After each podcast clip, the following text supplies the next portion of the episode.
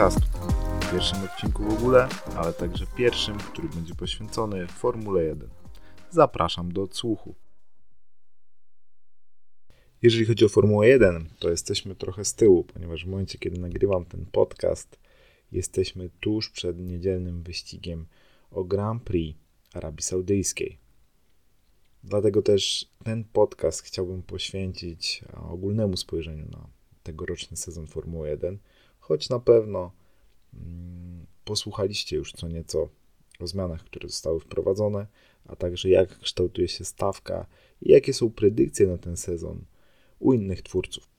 Chciałbym Wam przedstawić spojrzenie na Formułę 1 trochę bardziej z punktu widzenia zwykłego kibica, aniżeli motoryzacyjnego geeka.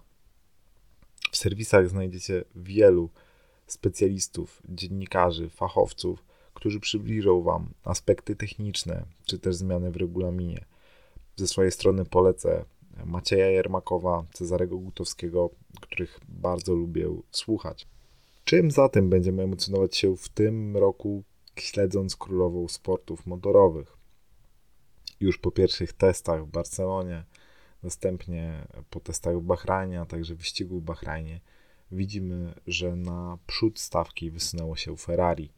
Jest to pewna odmiana w stosunku do tego, na jakich pozycjach znajdowali się w latach ubiegłych. A tuż za nimi, no a tak naprawdę wydaje mi się, że obok nich znajduje się Red Bull. Zatem z dużą dozą prawdopodobieństwa opowiem Wam, że prawdopodobnie piąty sezon e, jazdy o życie, Netflixowej jazdy o życie, będzie poświęcony w dużej mierze rywalizacji pomiędzy tymi dwoma zespołami. Stawiam też, że bardzo ważnym wątkiem kolejnego sezonu Netflixowego show będzie pokazanie heroicznej walki Mercedesa o powrót do formy.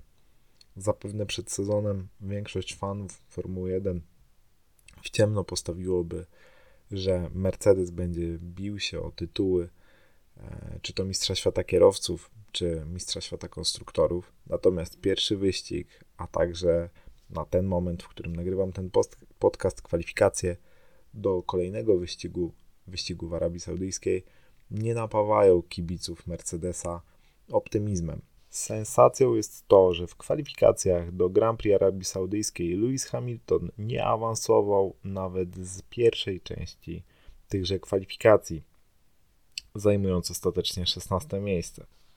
George Russell, czyli drugi kierowca Mercedesa, uplasował się na szóstej pozycji w tych kwalifikacjach. Jest to znakomity wynik, biorąc pod uwagę formę Mercedesa. Analizując tylko i wyłącznie czasy okrążeń, widzimy, że strata Russella do Ferrari i Red Bulla wynosi ponad pół sekundy na okrążeniu. Konstrukcja nie ma co ukrywać, jest nietrafiona, jednakże inżynierowie Mercedesu zapowiadają, że wiedzą nad czym mają pracować i są gotowi po kolei wykluczać kolejne błędy. Jak długo to potrwa? W mojej ocenie, a także w ocenie wielu ekspertów zajmujących się tym sportem, możemy czekać na ten przełom nawet do połowy sezonu. Zapewne będzie wtedy już za późno dla kierowców Mercedesa, żeby aktywnie włączyć się w walkę mm, o tytuł Mistrza Świata kierowców, o konstruktorach już nie wspominając. Kwalifikacje dość nieoczekiwanie wygrał Sergio Perez. Dlaczego nieoczekiwanie? Wszystkie treningi, a także pierwsze części kwalifikacji wskazywały na to, że to któryś z kierowców e, Ferrari zostanie zwycięzcą. I jest to także pierwsze w historii pole position dla tego meksykańskiego kierowcy czekał na to 215 startów. I ta łatka paydrivera, która troszkę się za nim ciągnie, paydrivera, czyli kierowcy, któremu na wejście do Formuły 1 pozwoliły duże pieniądze, które za nim stoją. Ta łatka wydaje mi się, że sprawia, że większość kibiców twierdzi, że ok, ok, w Red Bullu to o pole position będzie bił się Max, a Sergio dobrze, żeby dojechał trzeci, czwarty, to będzie super wynik. Tymczasem mamy tutaj świetny wynik. Oczywiście znajdzie się wielu malkontentów, którzy powiedzą, że to kwestia opon, tego, tamtego, owego. Nie można jednak odebrać, że na tak trudnym torze, tak szybkim, e, tak niebezpiecznym torze Sergio wykręcił świetny czas i zajął pole position. tuż przed Charlesem Leclerciem z Ferrari i Carlosem Saincem z tego samego włoskiego teamu. Tuż za podium w kwalifikacjach uplasował się Max Verstappen, a piątym miejsce zajął Esteban Ocon z Alpine. Następnie, jak już wspominałem, George Russell, Fernando Alonso z Alpine na siódmej pozycji, Valtteri Bottas z Alfa Romeo na ósmej pozycji, Pierre Gasly z Alfa Tauri na pozycji dziewiątej, a pierwszą dziesiątkę zamykał Kevin Magnussen z Hasa. Rzuca się w oczy różnica pomiędzy czwartym Maxem Verstappenem a piątym Estebanem Okonem. Jest to prawie pół sekundy, nawet ponad pół sekundy. I tutaj widzimy, jak te dwa zespoły, czyli Ferrari i Red Bull, odstają, odstają w pozytywnym sensie od reszty stawki. Mm, potwierdza się ta teza, czy może znajduje potwierdzenie, ta teza o słabości silników Mercedesa, ponieważ w pierwszej dziesiątce z silnikiem Mercedesa uprasował się tylko jeden kierowca, czyli George Russell. Co jeszcze, jakie inne ciekawe wnioski można wyciągnąć po tych kwalifikacjach? Otóż zdaje się, że Walteri Bottas, zmieniając zespół w ubiegłym roku, pewnie nie do końca z własnej woli, a dokonał świetnego ruchu, bo Alfa Romeo ma dość dobre tempo i zapewne jest trzecim, no trzecim to zbyt optymistycznie powiedziane, czwartym, piątym zespołem w stawce. Myślę, że będą rywalizowali z Hasem e, i z Alpin o, o to, kto będzie wyżej w klasyfikacji konstruktorów na koniec sezonu. Co prawda wielu ekspertów podkreśla, że samochód Alfa jest bardzo mocno odchudzony już na początku sezonu i może być tak, że im dalej w, będziemy w wyścigowym kalendarzu, tym to tempo względem tyłu stawki e, nie będzie już, już tak imponujące. Zobaczymy jak będzie. Wydaje mi się, że, mm, że alfa może, może być e, wysoko. Mają świetnego, bardzo równego kierowcę, czyli Walterego Bottasa, e, a Guan Yuzhou, czyli mm, nowy nabytek Formuły 1, Chińczyk, zdaje się spisywać bardzo dobrze i z tej całej ligi młodych kierowców myślę, że jest bardzo dobrym wyborem ze strony Alfy. Martwi mnie tempo McLarena, ponieważ jako kibic pomarańczowych bolidów liczyłem, że to oni w tym sezonie będą się bili o trzecie miejsce w klasyfikacji konstruktorów. No, początek sezonu zdaje się e, na to nie wskazywać. E, I również, jak w przypadku Mercedesa, nie napawa optymizmem. Jednakże po kwalifikacjach do Grand Prix Arabii Saudyjskiej widzimy lekką poprawę względem Bahrajnu. Wynika to zapewne mm, z samego profilu toru, mm, czyli mniej hamowania, a to z hamowaniem, z hamulcami konkretnie. W Bahrajnie mieli gigantyczne problemy. Problem ten zapewne nie został mm, jeszcze rozwiązany. Chciałem powiedzieć, że kierowcy McLarena osiągnęli dość dobry wynik w kwalifikacjach.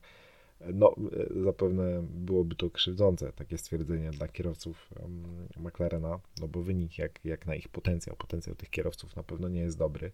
11 miejsce zajął Lando Norris, 12 Daniel Ricciardo, Myślę, że, że gigantycznym sukcesem byłoby, gdyby wyścig e, któryś z tych kierowców e, ukończył w punktach.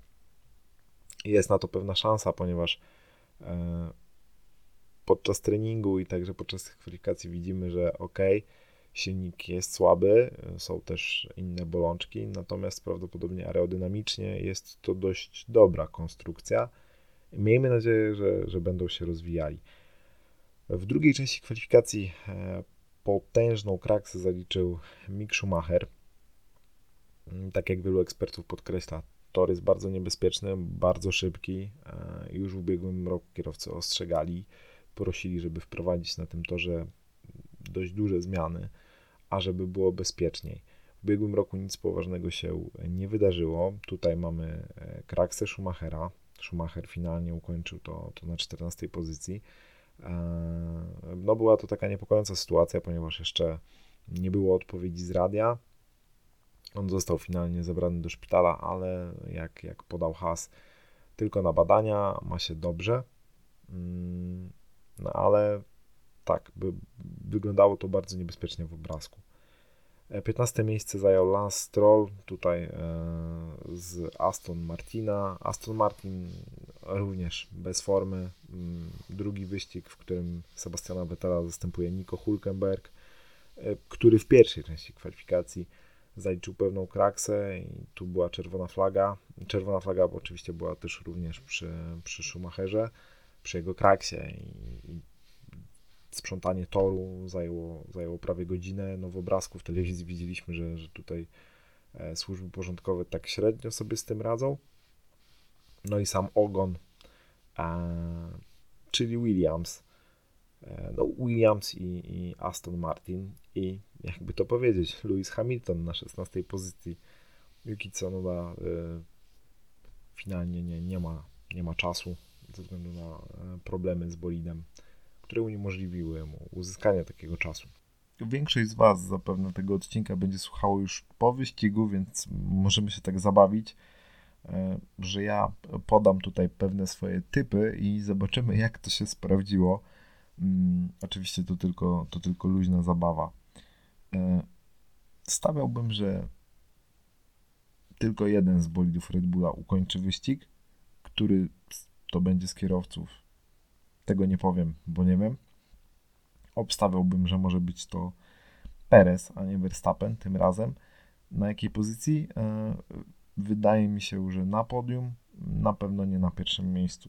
O pierwsze miejsce będą bili się moim zdaniem kierowcy Ferrari i to jest coś, e, na czym ja chciałbym się skupić, oglądając te, te pierwsze odcinki tego sezonu e, Formuły 1 czyli na walce o, e, o bycie pierwszym kierowcą e, w Ferrari. E, tutaj nie sympatyzuję z żadnym z kierowców, obu bardzo lubię. Wydaje mi się, że powszechną sympatię budzi Carlos Sainz, który wydaje się być takim pracusiem, bardzo sympatycznym człowiekiem. No a z drugiej strony jest Charles Leclerc, czyli kierowca lekko szalony, nawet powiedziałbym, że bardzo szalony, talent pierwszej wody, pierwszej próby, naprawdę bardzo wysokiej klasy kierowca. I ta walka zapowiada się e, emocjonująco, bo widać po pierwszym wyścigu, że, że Sainz był z tyłu, miał słabsze tempo. Po treningu i po kwalifikacjach, na tym głównie powinniśmy się opierać na kwalifikacjach, do, do drugiego odcinka e, tegorocznego ścigania się w Formule 1 widzimy, że jest pewna poprawa w tempie Sainza, a może tor mu bardziej pasuje.